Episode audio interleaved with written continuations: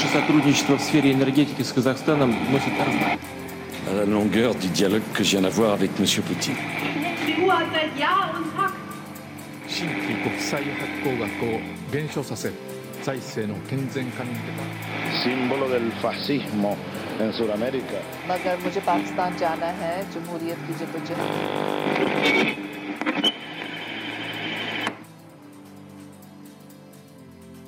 Dronning Margrethe har abdisert. Lenge leve kong Fredrik den tiende. Dronning Margrethe har abdisert. Lenge leve kong Fredrik den tiende. Dronning Margrethe har abdisert. Lenge leve kong Fredrik den tiende. Dere skjønner tegninga. Kong Fredrik den tiende tok eh, søndag over etter sin mor, som abdiserte trona etter 52 år. Sør-Afrika har anklagd Israel for folkemord til den internasjonale domstolen for deres krigshandlinger i Gaza. Israel avviser disse anklagene som tull. Og den svenske befolkningen må være forberedt på krig, ifølge lederen av landets forsvar. Du lytter på Utenriksmagasinet Mer på Studentradioen i Bergen. Jeg heter Eirik Eitrheim. Med meg i studio har jeg Anna Iversen og Isak Bartvik Jørgensen. Vi er tilbake etter juleferien. Velkommen tilbake, kjære lytter.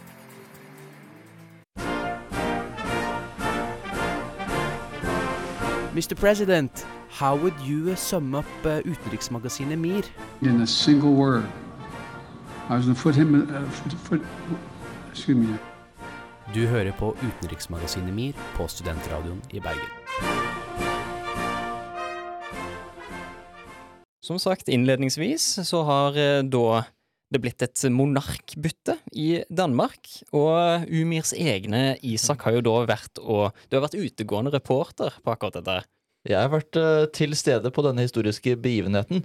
Vi, vi kan jo først begynne med å si at det var jo ikke helt tilfeldig at du eh, sa 'kongen lenge leve' tre ganger i introen, for det er jo det de gjør når eh, en ny monark utropes. I Danmark så skal de jo si det tre ganger.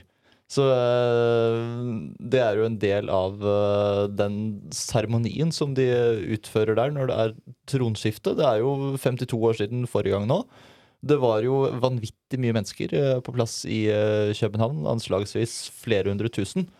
Det var jo flere grunner til det. Altså ikke bare var det søndag og godt varslet på, på forhånd. Det ble jo en folkefest ut av det fordi dronning Margrethe da som avgående monark selv var til stede. Vanligvis er det jo død, de som uh, går ut. Men uh, det, var, det er ofte en sorg og litt sortkledd uh, forbundet med det hele. Men nå var det en ren folkefest som man nok ikke har sett maken til i ganske manges levetid.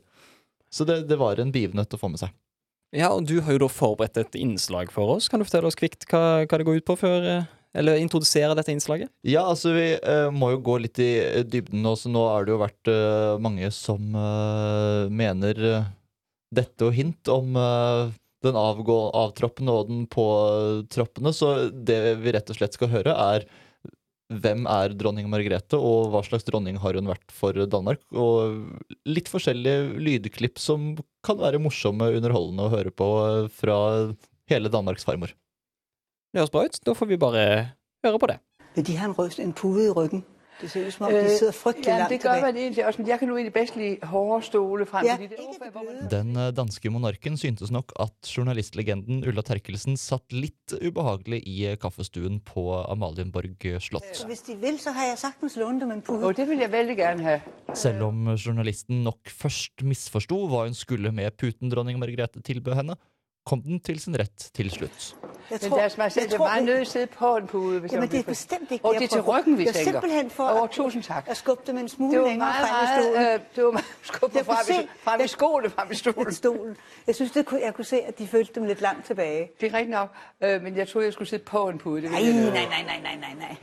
Da kong Fredrik den 9. døde i januar 1972, ble hans eldste datter den første regjerende monark i Danmark på 550 år. På dagen 52 år senere gikk hun altså frivillig av tronen som den første danske regent siden 1136. Dronningen, som i alle år har kommunisert at hennes gjerning som monark varer livet ut, overrasket alle i den etter hvert ganske berømte nyttårstalen. Jeg har besluttet, at det er nå det er det riktige tidspunkt. Den 14. januar 2024, 52 år efter at jeg efterfulgte min elskede far, vil jeg træde tilbage som Danmarks dronning.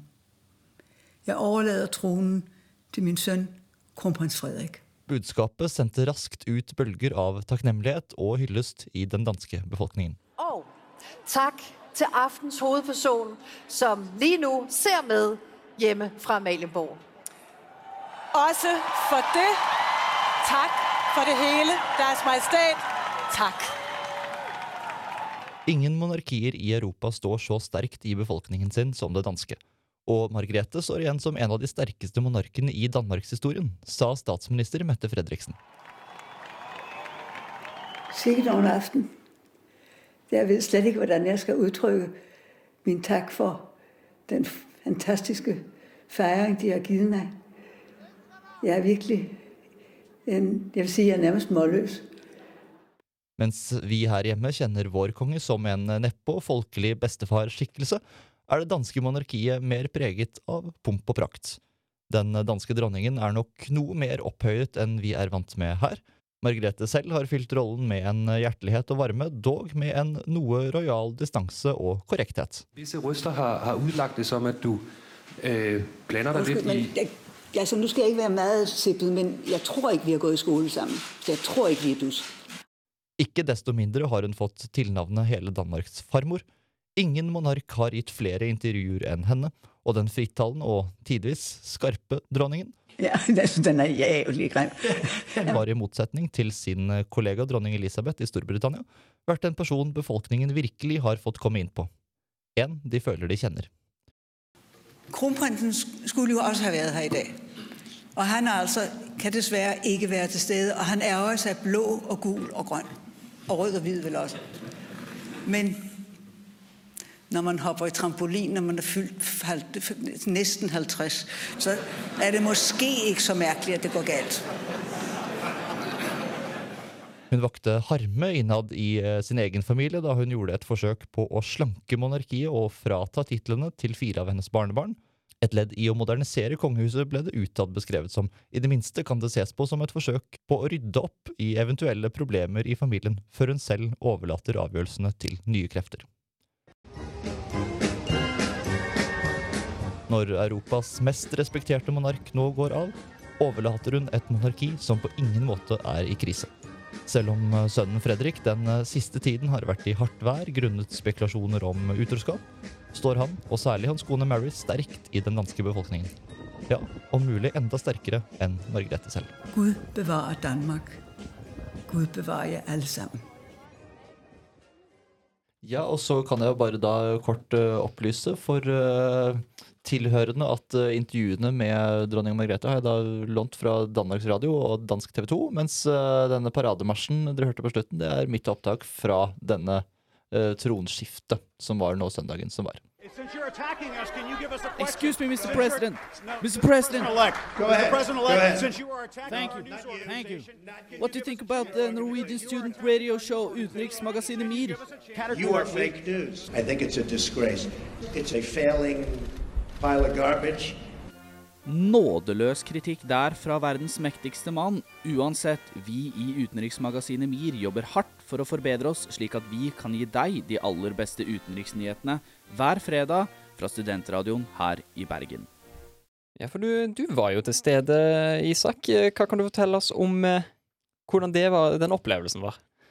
Nei, altså eh, Som jeg også sa litt om i dette innslaget, så, så er jo eh, Danmark noe mer rojalt rettet enn det Norge er. Altså, vi skal ikke si det, altså 17. mai-feiringen er jo også, eh, særlig i Oslo, veldig eh, preget av dette barnetoget opp til Slottet, hvor kongefamilien står og vinker. Så, men men altså, Danmark har jo på sin side ikke noen særlig markering av sin grunnlovsdag den 5. juni, så det, det er jo de store kongelige begivenhetene de flokker seg rundt. Og det gjør jo danskene så til eh, gangs. Altså det, alt av tog fra hele det Danmark hele helgen var jo fullstappet av folk som skulle inn til eh, København for å være med på denne folkefesten. Så det, det var jo et eh, Jeg vil ikke si kaos, men det var folksomt, var det. Veldig folkelig, eh, kanskje den fineste måten å referere til litt, eh, litt kaos på, tenker jeg. Ja, ja, men altså, altså Jeg må jo si, altså vi bor jo her i Bergen, og med all respekt for uh, Bergen, så, så blir det jo ofte veldig lett altså Alt av kollektivtransport, alt bryter jo sammen hvis det er en folkefest i uh, sentrum. Men eh, de, jeg tror de hadde forberedt seg veldig godt på å organisere dette, så det, det var aldri noen Altså, det var, jeg har vel aldri sett så mange politifolk til stede på ett et sted noen gang som det var i København sentrum denne søndagen. Og eh, Anna, hva syns du om, eh, syns du om eh, Margretes av, abdisering, avgang, som, eh, som eh, dronning? Uh, jeg syns det er veldig historisk. For det er ikke så eh, vanlig at de abdiserer, men heller at eh, Ja, at de eh, dør. eh, og så tar eh, eh, tronarvingen over. Eh, så det er veldig spennende, egentlig. Mm. Ja, for det, det har jo vært noen avsettelser, men det er jo nesten 900 år siden forrige gang en dansk monark fant ut at nå, nå skal jeg gå av til fordel for etterfølgeren. Så det, det er jo Det er sjeldent, det er det. Men hvorfor valgte hun å abdisere, egentlig? Nei, altså, det er jo mange Det er jo mange grunner, kan man jo si. Altså, det, det hun selv skylder på, er jo helsemessige årsaker. Hun øh, har gått gjennom en ryggoperasjon som nok har svekket henne.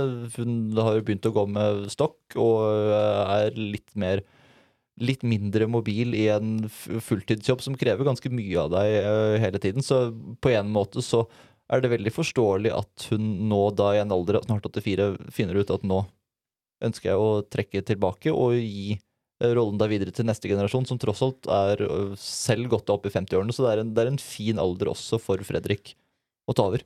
Ja, for jeg ser jo at hun er født eh, 16. april 1940, eh, så hun har jo altså Det er jo samme bursdagsdato som meg. Bare noen år før. Ja. et par, et par Et år. par, et par år. Men eh, ja, så er jeg jo eh, relativt gammel, eh, egentlig. Men du ser jo sånn i England, da. Dronning Elisabeth ble Ja. 96.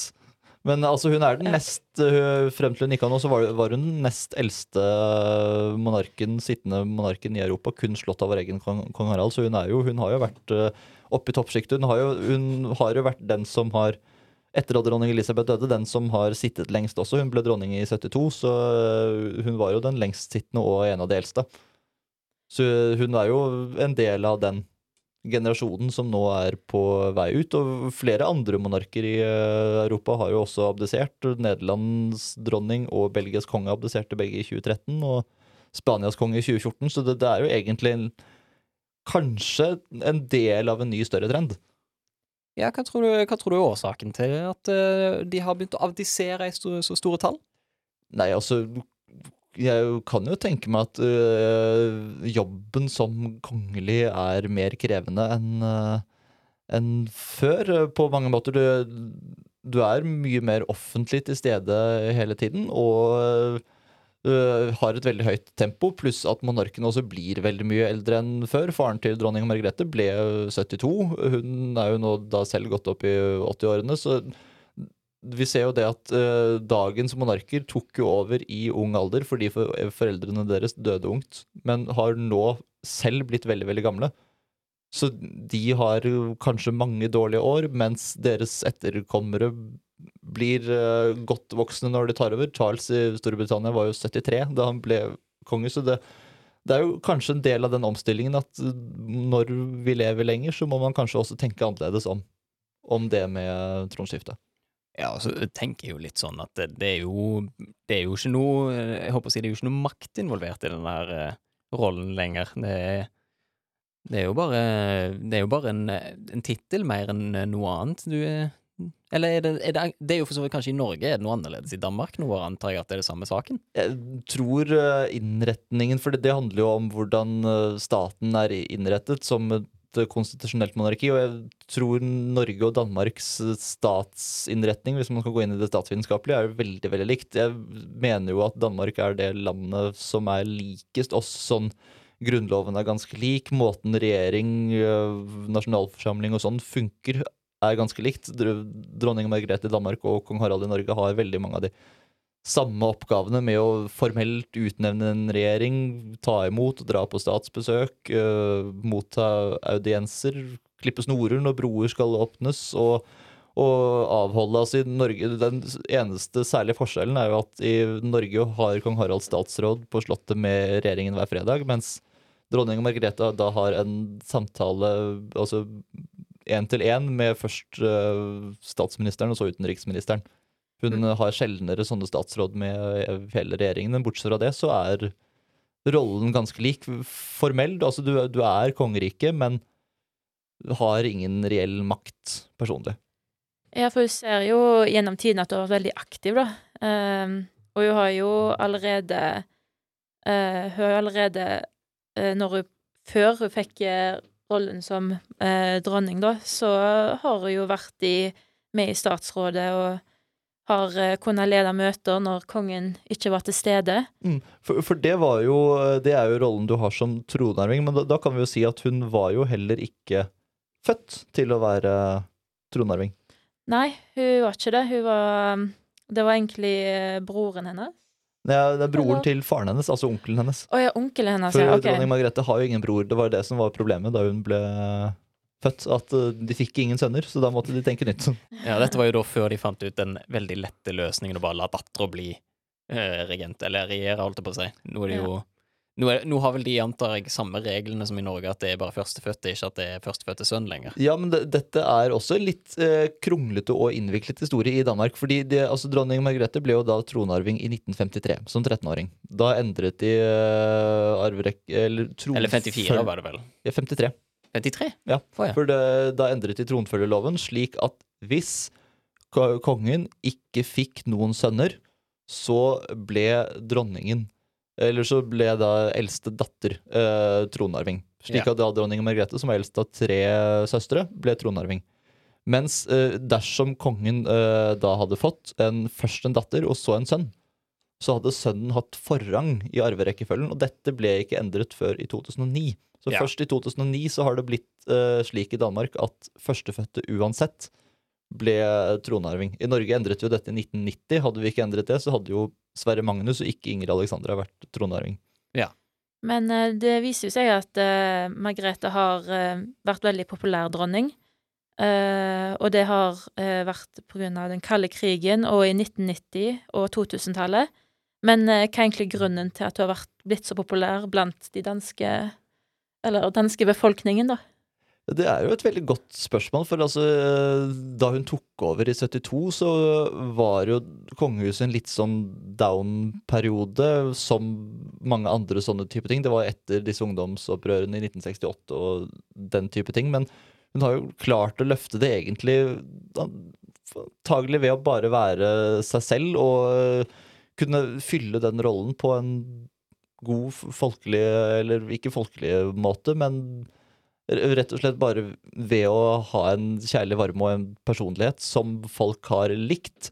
Altså, jeg liker jo ofte å sammenligne med henne med dronning Elisabeth, som eh, jo også har vært en sånn statsbærende figur i britisk historie, men som var veldig veldig distansert. Hun ga aldri et eneste intervju i løpet av de 70 årene hun var eh, dronning.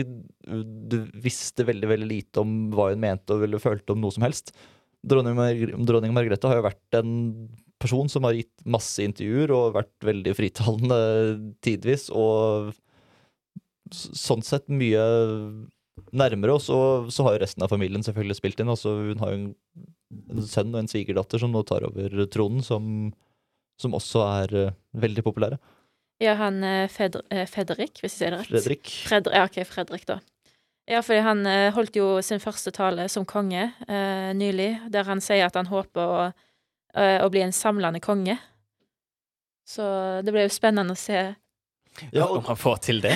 Ja, men øh, og altså øh, Som sagt så er jo det danske monarkiet er det monarkiet i Europa med høyest oppslutning. Over 80% av danskene sier at de vil bevare monarkiet. Det er ingen andre land som har den oppslutningen. Og danske kongehuseksperter har jo også sagt det at den retorikken med å være samlende konge er jo interessant i en tid hvor ting ellers er øh, splittet, så, er- så er det et positivt signal i tiden. Og jeg må, jo, jeg må jo innrømme at selv om jeg ikke er så veldig konge, kongeelskende av meg, så så jeg på denne her eh, direktesendingen av eh, av eh, abdikasjonen og overtagelsen til Fredrik eh, med en tåre i øya. Ja, du gjorde det. Det var, Ja. det var noe, kanskje det var litt svulstig, men eh, det var noe med anledningen. Ja, men det, det blir jo, det er jo litt sånn vemod. Altså, jeg sto jo på Slottsplassen på Malienborg, og det var jo ikke så mye som foregikk akkurat der. Så det, det var jo, vi som sto der, fikk jo ikke med oss alt. Så det, det var en som sto litt foran meg, som fulgte med på på livesendingen til eh, Danmarks Radio, så jeg måtte liksom se litt over skulderen eh, på de for å få med litt av hva, hva som skjedde. Så det, det var jo litt sånn, samtidig som det var en feststund, så var det jo et lite øyeblikk av vemod, fordi du har hatt en person som har vært der i 52 år og betydd såpass mye for et land, eh, som nå da Så hun er jo ikke borte, for hun er jo i live, men hun blir jo vesentlig mer usynlig. Det er jo en ny tid. Ja, det er en ny tid i Danmark.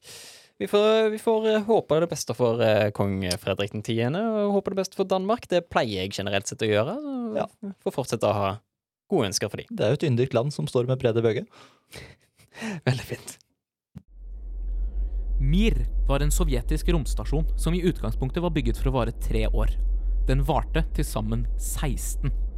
Som sin navnebror strekker utenriksmagasinet Mir seg ekstra langt for å gi deg det beste utenriksstoffet. Da skal vi bevege oss videre fra, fra Danmark sin fredelige maktovertagelse eller overgivelse til eh, litt mer seriøse temaer, nemlig Vi skal igjen snakke om Israel og, Pal og Palestina, eller Gaza. Og denne gangen så handler det da om saksmålet, eller søksmålet, som har blitt, sendt, som har blitt retta mot Israel av Sør-Afrika. Rett før nyttår anklagde da Sør-Afrika Israel for å begå folkemord på Gaza. De klagde dette inn til Den internasjonale domstolen, som er FNs organ for å håndtere konflikter mellom land. Og sist uke, slutten av uka sist uke, så var det da første høringene i denne rettssaken, hvor Sør-Afrika presenterte sitt, sine anklager for domstolen. Eh, Isak, hva tenker du umiddelbart om disse høringene og anklagene? Jeg skvatt litt først da jeg så at Sør-Afrika av eh, alle land var de som anklaget uh, Israel for, uh, for folkemord. Uh, for det, det er jo ikke en direkte aktør i denne konflikten mellom Israel og Palestina, men så har de jo da de har jo brukt sin egen erfaring med eh, apartheid som eh, som bakgrunn for det de mener er helt øh, åpenbar lignende politisk praksis fra israelske myndigheter i sitt arbeid, og sagt da helt håndfast, som jo veldig mange andre i verden også mener, at Israel kan ikke bruke det angrepet Hamas begikk mot øh, de den 7. oktober som et påskudd for å kunne bombe så mange tusen øh, sivile og, og barn som de nå har gjort på Gaza. Og ikke nok med det, men Israel har jo da også vært nødt til å svare for seg hvorfor de hindrer forsyninger og helsehjelp å komme inn på Gazastripen. Og dette har de jo svart Særlig dette siste har det svart ganske dårlig for seg i, øh, i denne rettssaken, må man jo øh, kunne si. Ellers har de jo vært kompromiss, kompromissløse, som de har vært hele veien i, i måten de måten de svarer på. Altså, Statsminister Benjamin Netanyahu har jo da gjentatt sitt, eh, sitt budskap om at israelske soldater vil beseire de blodtørstige monstrene som vil ødelegge oss. Og eh, han har jo da også eh, brukt eh, Sitert Bibelens historie for å eh, for å oppmuntre israelske soldater i, i dette arbeidet videre. At uh, angrip eh, Amalek, som de da bruker som et begrep, ikke spar noen, drep menn, kvinner, spedbarn, okser, sauer, kameler og esler. Så det har retorikk. Ja, det, det er absolutt hard retorikk, og dette er jo akkurat en av de tingene som eh, hovedadvokaten for Sør-Afrika, som jeg nå skal prøve å uttale riktig, Tembeka Gukaitobi Det var ikke riktig, beklager. Eh, som eh, har da anklagd annet eh, toppledelsen i Israel for eh, å drive med retorikk som oppfordrer til folkemord, men har òg påpekt spesifikke handlinger, sosiale medieinnlegg fra israelske soldater, som eh, skal, eh, skal indikere da at det er en form for folkemord som pågår, samt akkurat det du peker på, eksempel at mat, vann, elek- elektrisitet osv. blir stoppa fra å komme inn i Gaza, men òg det at nesten hele Gazas befolkning har blitt nødt til å flytte, eh, flykte. Mm. Eh, omtrent to millioner av en befolkning på 2,3 millioner, cirka. Dette er jo anslag, men det er snakk om mesteparten. Har vært nødt til å flykte i hvert fall én gang fra sine hjem. Og at dette her er da et tegn på en, et forsøkt folkemord. Eh, Definisjonen for folkemord er jo litt innvikla, og måten man tolker den på, varierer jo veldig mye. Det er jo akkurat det domstolen skal ta stilling til i forhold til tolkningen av eh, folkemordslovgivningen eller traktaten, da. Mm, ja, og når- vi er inne på denne historien med folkemord, så, så har det jo ikke vært veldig mange episoder hvor, hvor den internasjonale domstolen heller har vært nødt til å ta stilling til uh, folkemordsanklager. Altså, må jo bare si som en liten sånn teknisk detalj her at den internasjonale domstolen i Haag er jo da ikke det samme som den internasjonale straffedomstolen, som også ligger i Haag. Den internasjonale straffedomstolen kan jo øh, dømme også enkeltpersoner og øh, land for øh, forbrytelser mot, mot, mot sine egne. Men dette her, altså den internasjonale doms, om, domstolen handler jo da om forbrytelser, altså, eller konflikter mellom nasjoner. Det er jo. Vesensforskjellen her. Og som du nevnte tidligere, så var det jo det med at det er litt eh, Kanskje ikke nødvendigvis veldig overraskende, men litt spesielt at det er Sør-Afrika da, som var de som anklagde Israel. Eller det overraskende er kanskje riktig ord. Um, som da selvfølgelig har tvunget meg til å måtte lese om Israel og Sør-Afrikas internasjonale forhold, da. Ja. Uh, fordi det, og det som jeg har plukket opp som er hovedlinjene der, da, er jo at Sør-Afrika og Israel var veldig tette i den perioden hvor Sør-Afrika var apartheidstyrt. Altså under apartheid så var Israel og Sør-Afrika veldig tette. Og har til og med eh, blitt anklaget for å jobbe på atomforskningsprosjekter sammen. Atomvåpen, da. Israel har jo utvikla atomvåpen, eh, selv om de prøver å være litt eh, skjulte på akkurat det punktet. Men, eller har i hvert fall jobba med det, og Sør-Afrika hjalp de med det. Men siden apartheid ble revet ned, så har forholdet vært litt mer komplisert, så vidt jeg kan tolke det. Ja, ja, for jeg ble jo litt overrasket da denne konflikten øh, Eller da denne anklagen kom opp. For jeg har jo da Jeg har ikke visst så mye om dette, så jeg trodde jo egentlig i mitt stille sinn at Sør-Korea Nei, Sør-Afrika, unnskyld. øh, Var en slags øh, alliert av Israel, på samme måte som USA. Så det var jo nytt for meg at det har det jo egentlig ikke vært på 30 år. Nei. Men uh, hvordan fungerer egentlig de uh, Hvordan fungerer dette med domstolen, og hvordan de skal avgjøre Ja, domstolen, som sagt, så er den til for å håndtere konflikter i land.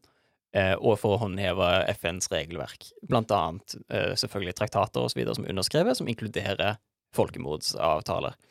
Um, og domstolen kan fatte beslutninger om at et land bryter FN-reglementer, eller et eller annet greier må gjøres. Så domstolen kan bestemme eh, Det som Sør-Afrika prøver å få til nå, er i løpet av kort tid få til at domstolen beordrer Israel til å slutte angrepene sine i Gaza. Det er håpet. Det, der har vi ikke kommet ennå. Vi får se hvordan det går i løpet av de neste månedene. Eh, domstolen kan da beslutte at Israel gjør noe som er galt, og at de burde slutte, men domstolen har ingen mulighet til å eh, gjennomføre dette. De har ikke noen måte til å eh, håndheve det. Det hva jeg er. De har ikke en mekanisme for å håndheve sine egne avgjørelser.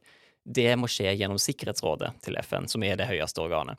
Ja. Og der er det vi møter på største hindringen i akkurat denne saken. Der i Sikkerhetsrådet sitter det fem faste medlemmer. Eh, USA, Storbritannia, Tysk... Nei, nei, ikke Tyskland. Tyskland slipper ikke inn. USA, Storbritannia, Frankrike, Kina og Russland.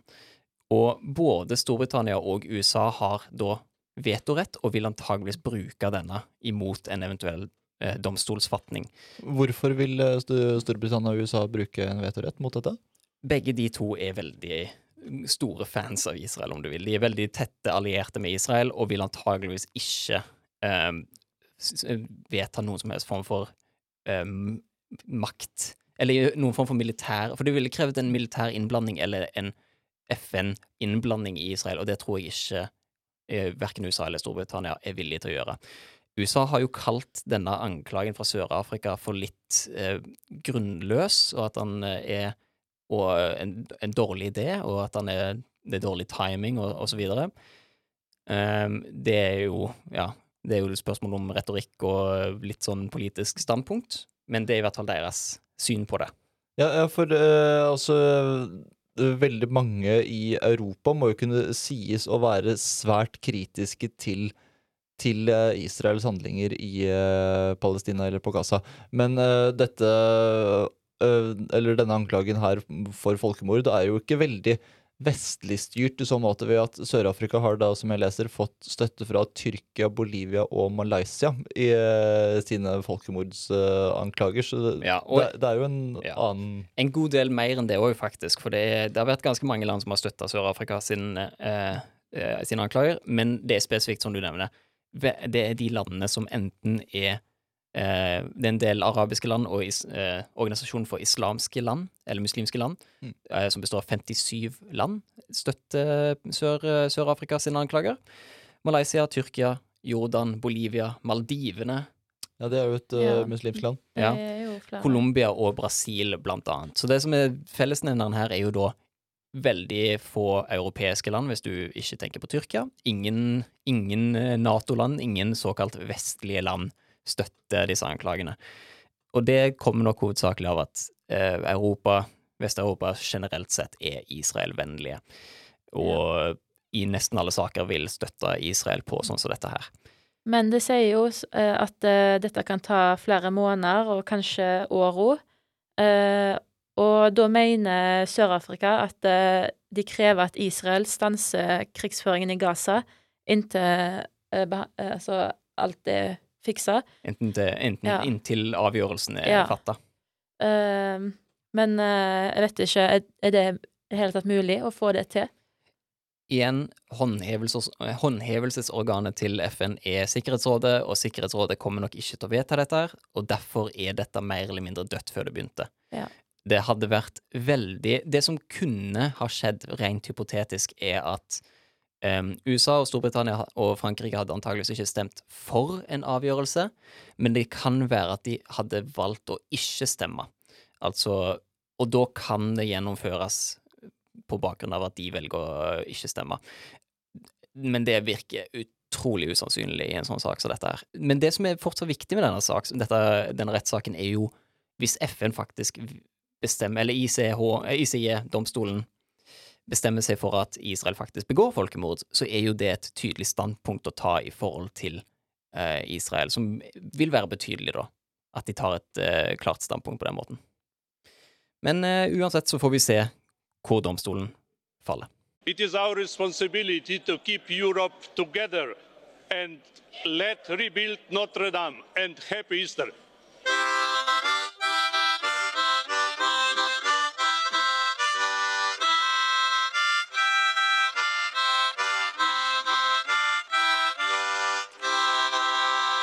Det kom en liten uh, uventa nyhet, vil man jo kanskje si, fra Sverige her eh, for eh, ganske, ganske nylig. Eh, hvor sivilforsvarsministeren i, Sverige, Karl Oskar Bolen, har kommet ut og sagt at Sverige burde være forberedt på krig. Hva i all verden er det som foregår i Sverige? Ja, det viser seg at sivilforsvarsministeren eh, sivilforsvarsministeren eh, mener at eh, Sverige må gjøre seg klar, eh, eller forberede seg på krig, da, fordi at eh, han mener sjøl at eh, Hva skal jeg si At de ikke er forberedt da, hvis noe skulle skjedd. Eh, nå som det er så mye krig i, generelt i verden, og veldig sånn utrygg og ustabil tid, så mener han at eh, det er ganske skummelt at eh, hvis ting skulle skjedd, har de alt på plass, og vet de hva de skal gjøre. Um, og uh, hvor sterkere de har tenkt gjennom dette her og forberedt seg, Uh, hvor, eller ja, hvor flere, altså, hvor flere har tenkt og forberedt seg, desto flere har altså, styrket det samfunnet. Jo bedre er det for, eh, for Sverige. Ja, uh, det var bedre sagt. Nei, men altså, dette Han godeste Karl Oskar Bolin, eh, som da er sivilforsvarsminister eh, Det var jo han som eh, da sa alle svenske borgere må bidra, bidra til å styrke landets motstandskraft. Og eh, understreke dette ytterligere med å si at Eh, andre har sagt dette før meg, men jeg vil si dette med embetets tyngde, at det kan bli krig i Europa og i Sverige. Uh, og han fikk jo da også da støtte av den svenske forsvarssjefen Mikael, uh, Mikael. Eh, og også eh, statsminister Ulf Kristersson har jo eh, sagt at dette er en situasjon man må ta eh, på alvor. Og nå, eh, mens vi satt i studio her, så kom det da push-varsel fra Aftenposten om at eh, eh, også en eh, Nato-topp, godeste Bauer i, eh, Rob Bauer i eh, Nato, som eh, sa at eh, svenske Bolin har helt rett. Dette er en trussel som, som alle land må ta på alvor. Det, det betyr ikke dermed sagt at eh, nå står en eller annen ytre fiende klar og banker på døren og rykker inn. Men eh, det er mer som en varsko. Være klar over trusselen at eh, skal ikke tenke at du kan leve i evig fred. Det er en reell trussel som du må ta på alvor og, og forholde deg til.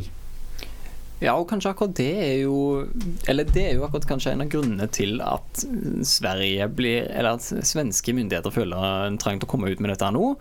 Eh, Overrasker meg å finne ut eller bli eh, opplyst i det at Sverige har ikke vært i noen krig siden napoleonskrigene.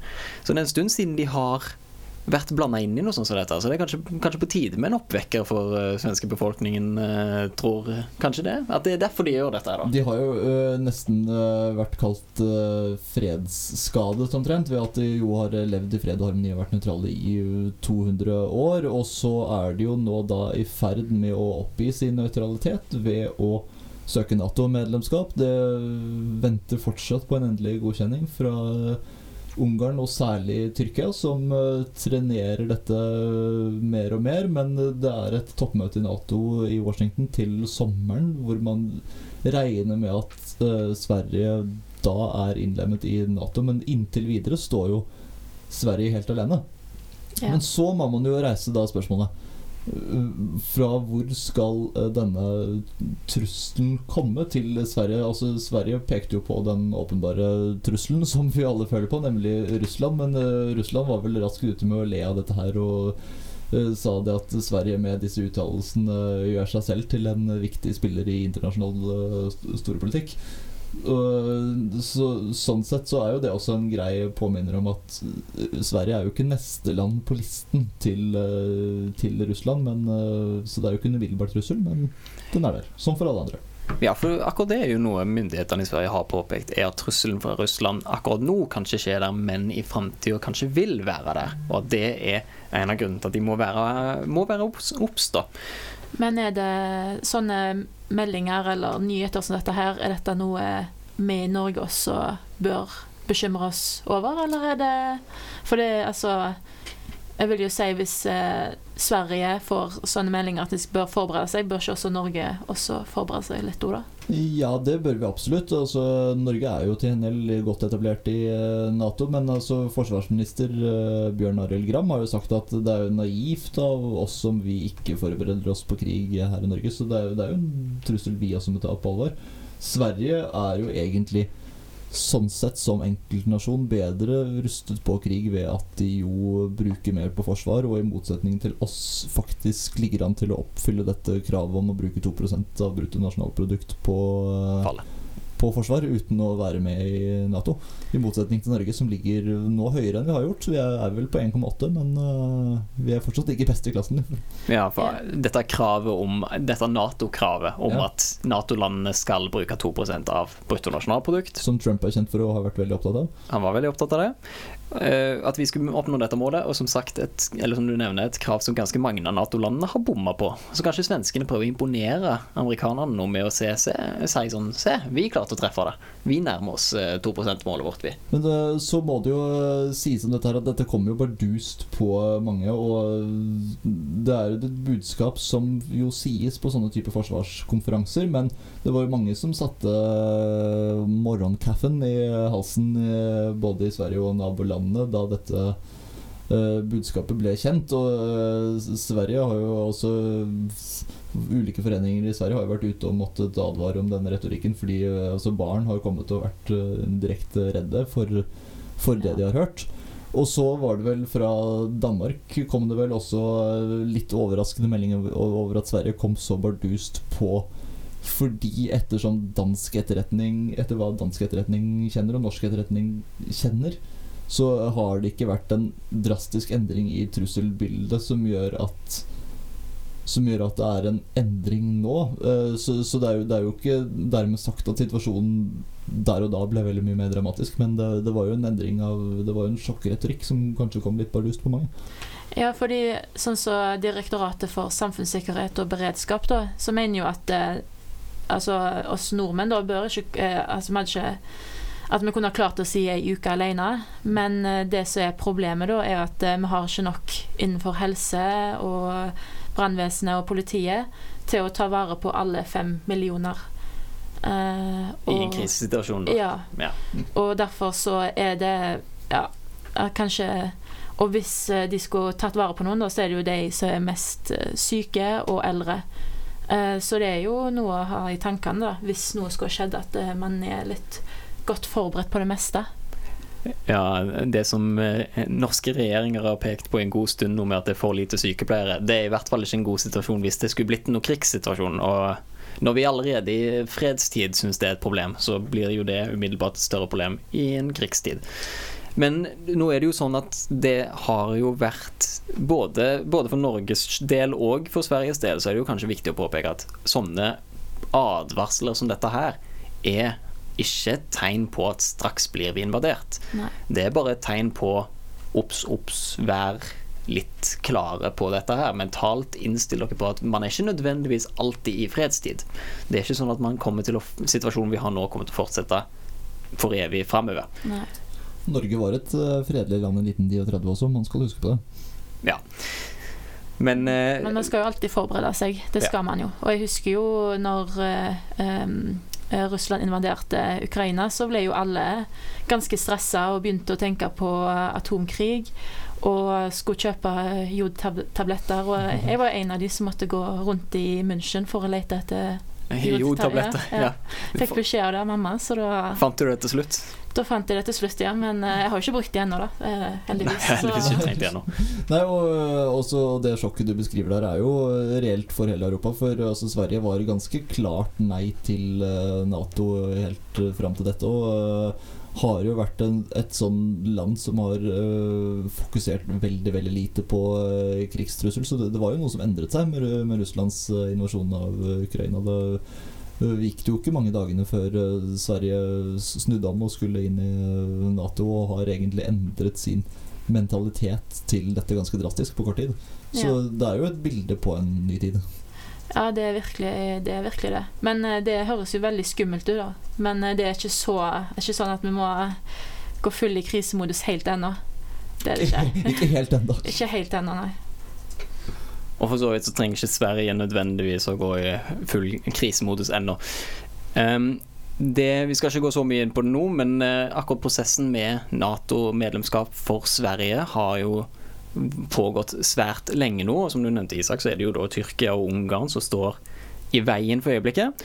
Um, Tyrkia sa egentlig at de skulle håndtere dette spørsmålet i desember. Det har de da utsatt uh, til denne stortingsperioden deres. Og vi får se. Uh, virker ikke som det er en høy prioritet, for de har en liste med 42 ting de skal gjennom, og Sveriges Nato-medlemskap er på bunnen av den lista. Så det kan hende svenskene blir nødt til å vente litt med et klart svar fra Tyrkia. Og det virker jo som at når Tyrkia har bestemt seg, så kommer Ungarn òg til å bestemme seg. Eh, Så antageligvis vil det bli gjort en avgjørelse akkurat dette punktet snart. I løpet av neste året, forhåpentligvis for svenskenes del. Eh, Men vi får se. Det blir vanskelig å spå nøyaktig når dette blir gjort. Da har vi kommet til enden for dagens sending av Utenriksmagasinet MIR. Eh, I dag har vi da dedikert mye tid til å snakke om eh, dronning Margrethe som eh, avtrådte, og hennes sønn som tok over som konge over Danmark. Vi har snakket om Sør-Afrikas anklager om folkemord mot Israel. Og vi har òg snakket om Sverige, som må kanskje være forberedt på krig. Og kanskje ikke, forhåpentligvis. Du har uh, lytta til Utenriksmagasinet MIR på Studentradioen i Bergen. Jeg heter Eirik Eitrheim. Med meg i studio har jeg hatt Anna Iversen og Isak Bartvik Jørgensen. Produsent er Magnus Nordahl Rødnes. Ansvarlig redaktør er Sofie Larsen Nesdal. Ha det bra.